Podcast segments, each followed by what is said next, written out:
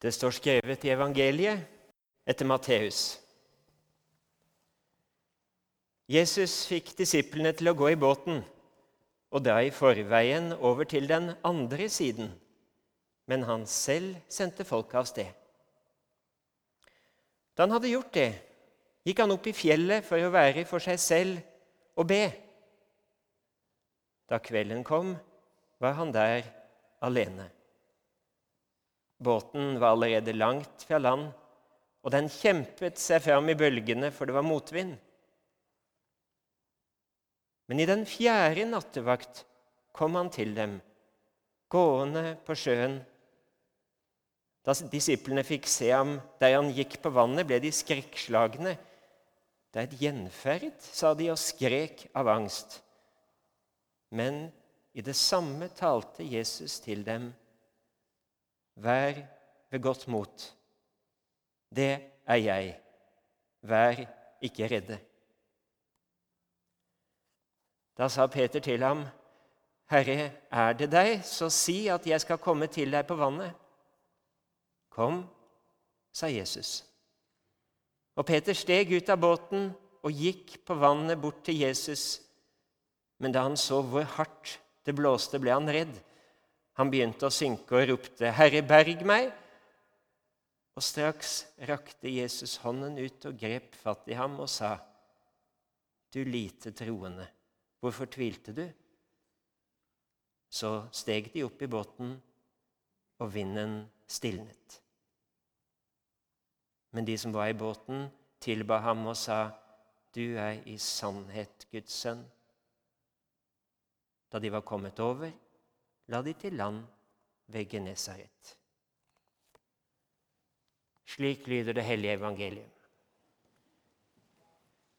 Hellige Far, hellige oss i sannhet, ditt ord er sannhet.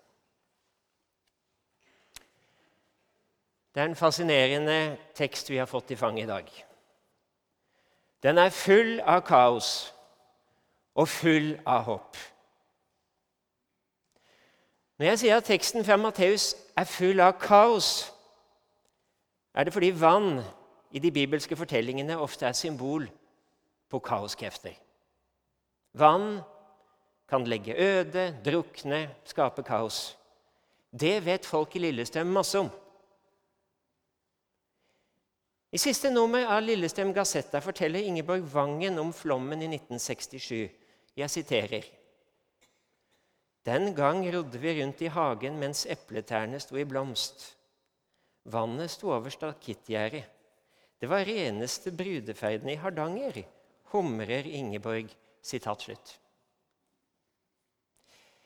Ingeborg har glimt i øyet når hun erindrer, og ja, det kan fortone seg eksotisk når vannstanden er så høy at han kan sette garn mellom rabarbraene og ripsbuskene.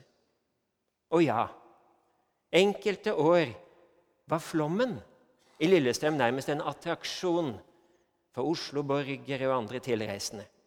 Lokalavisa Akershus kunne i 1910, under flommen, rapportere at flere enn 12 000 mennesker hadde tatt søndagsturen til Lillestrøm for å bivåne flommens ødeleggelser. Det var mer enn tre ganger så mange mennesker som bodde der. Fascinerende, ja. En del av byens historie, ja. Men kaos snur hverdagen på hodet. I dagens tekst er det plenty av begge deler. Plenty av vann, plenty av kaos. La oss se nærmere på hva Matteus faktisk forteller. Disiplene er også ute på Genesaretsjøen. For de av oss som ikke har vært der Genesaretsjøen er en innsjø omtrent dobbelt så stor som Øyeren. 21 meter lang, 13 km bred. Og pga. usedvanlige geografiske omstendigheter den ligger faktisk 209 meter under havet. Og det faktum at Genesaretsjøen er omkrensa av fjelldrag, åser, det gjør at det kan blåse opp til voldsom storm på no time. Og det er det som skjer i teksten vår. Det blåser opp. Disiplene de har allerede hatt en stormfull dag på jobben, for ikke å si flere. Matteus forteller i kapittelet før vår tekst at Johannes døperen Han har nylig blitt henretta av kong Herodes. Hva er det neste den maktsyke galningen kan finne på nå? Det er ikke bare i vår tid han kan kjenne seg lettere nervøs med tanke på hvem som sitter på maktens trone. Den intense, ja febrilske stemningen øker også av at Jesus og disiplene de følges av så kolossalt store menneskemasser. Tidligere på dagen forteller Matteus, hadde skjedd en mirakuløs bespisning av 5000 menn, i tillegg til kvinner og barn, og det ble mat overs. Disiplene må jo være stappfulle av inntrykk, utslitte av alt de har opplevd, og skal forsøke å fordøye. Og nå har Jesus sendt dem i forveien til den andre siden av Genesaretsjøen, for han har selv behov for å være alene og be. Disiplene er altså overlatt til seg selv der ute på Genesaretsjøen. Og det er en krevende sak å komme over, selv for erfarne sjøfolk. Vi husker Peter, han var jo fisker. Det er tydelig at disiplene de kjemper mot bølger og motvind, og de basker aleine ganske mange timer. Når Jesus forlater dem, er det kveld. Opsios på gresk. Og neste referansepunkt det er tetrapos filakæ, den fjerde nattevakt. Det er tidsrommet mellom klokka 03.00 og 06.00 midt på natta. Vi snakker om en gruppe forfrosne disipler som føler at de kommer ingen vei, de er stuck. Jeg ser ikke bort fra at en del av oss som sitter her nå, har kjent eller jevnlig kan kjenne på noe av det samme. At han er stuck.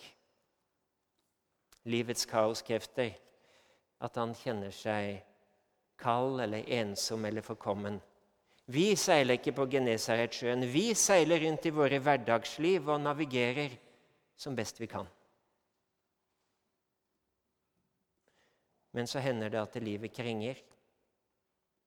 Noen av oss har opplevd alvorlig sykdom. Noen går til krevende behandling nå.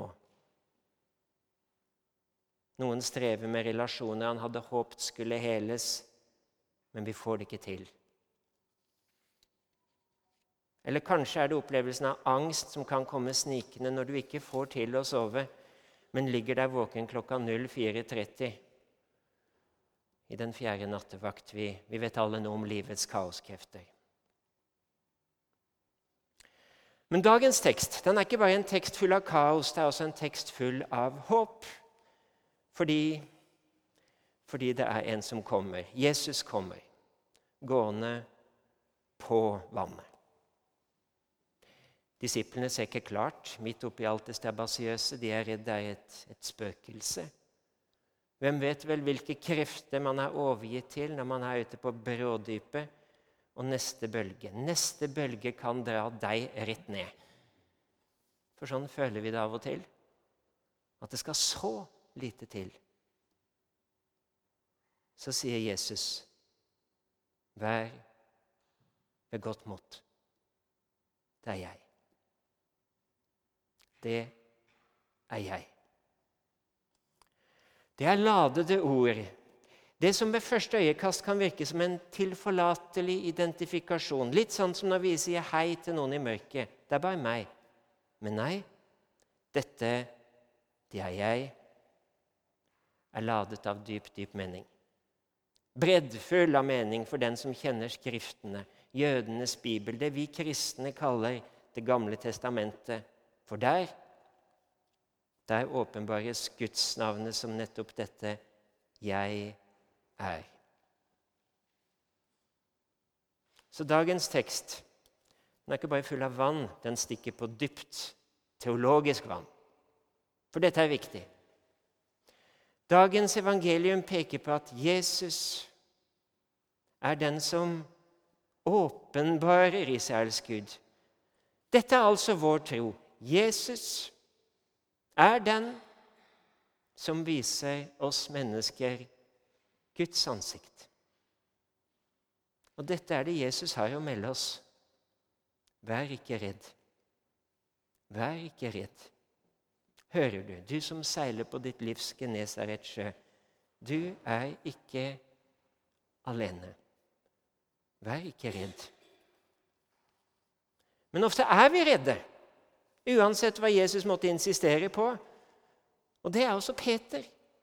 I dagens evangelium, han, klippen, sier det er som, det er som han trenger å forsikre seg. 'Herre, er det deg, så si at jeg skal komme til deg på vannet.' Kom, sier Jesus. Og så stiger Peter ut av båten men når han blir klar over hvor sterk vinden er når Peter vender fokus mot kaoskreftene rundt seg, så er det som han dras ned mot dypet. Hele Peter krenger. Han roper om hjelp, og Jesus griper. Jesus tar hans hånd, og vinden stilner. Kjære Karine, jeg har lyst til å si noen ord om hva jeg tror er evangeliet. Godt nytt i denne teksten gitt til oss i Lillestrøm, som sitter her i benkene akkurat nå, akkurat i dag. Det første er dette. Vi er aldri helt alene. Nattens mørke er ikke mørke Gud for deg. Som dagens klare lys skinner natten. Og det andre det er at livet det inneholder kaos. Don't be surprised. Det er ikke bare Glomma som truer med å skape kaos og flom. Det fins krefter rundt oss og i oss som kan bidra til det skjer daglig, at liv ødelegges, at ting drukner. Men det fins én som rekker ut en hånd, og Karine, iblant er det din hånd Gud vil bruke. For han bruker også oss oss mennesker. Og én ting til. Det kan komme liv ut av kaos. Amen! Ting kan snu. Åpne seg. Folk kan få nye starter, begynne på nytt. Og vi tror at en gang så skal det vidunderligste skje, at Guds rike skal bryte gjennom. Og er det én ting altertavla i Lillestrøm kirke vitner om velsignet være Henrik Sørensen. Så se på altertavla nå, så er det at Jesus kommer oss i møte. Ser du fottrinnet hans på alteret? Ser du hvordan han er i bevegelse mot oss? Mot oss sammensatte, vidunderlige, rare mennesker. Han er på vei mot oss, sin verden mot Lillestrøm. Og han vil ha oss med i den bevegelsen, ut til menneskene. Karine, du skal omfavne verden. Du skal omfavne lillestemme, og ikke bare du. Vi er alle kalt til å omfavne hvert vårt sted. Slik som min Fader sendte meg, sender jeg dere. Og så å plante det andre skal høste, og gi og tilgi. Og løfte og bære og lege og pleie og åpne en dør til Guds rike. Ære være Faderen og Sønnen og Den hellige ånd, som var og er og være skal, en sann Gud fra evighet og til evighet. Amen.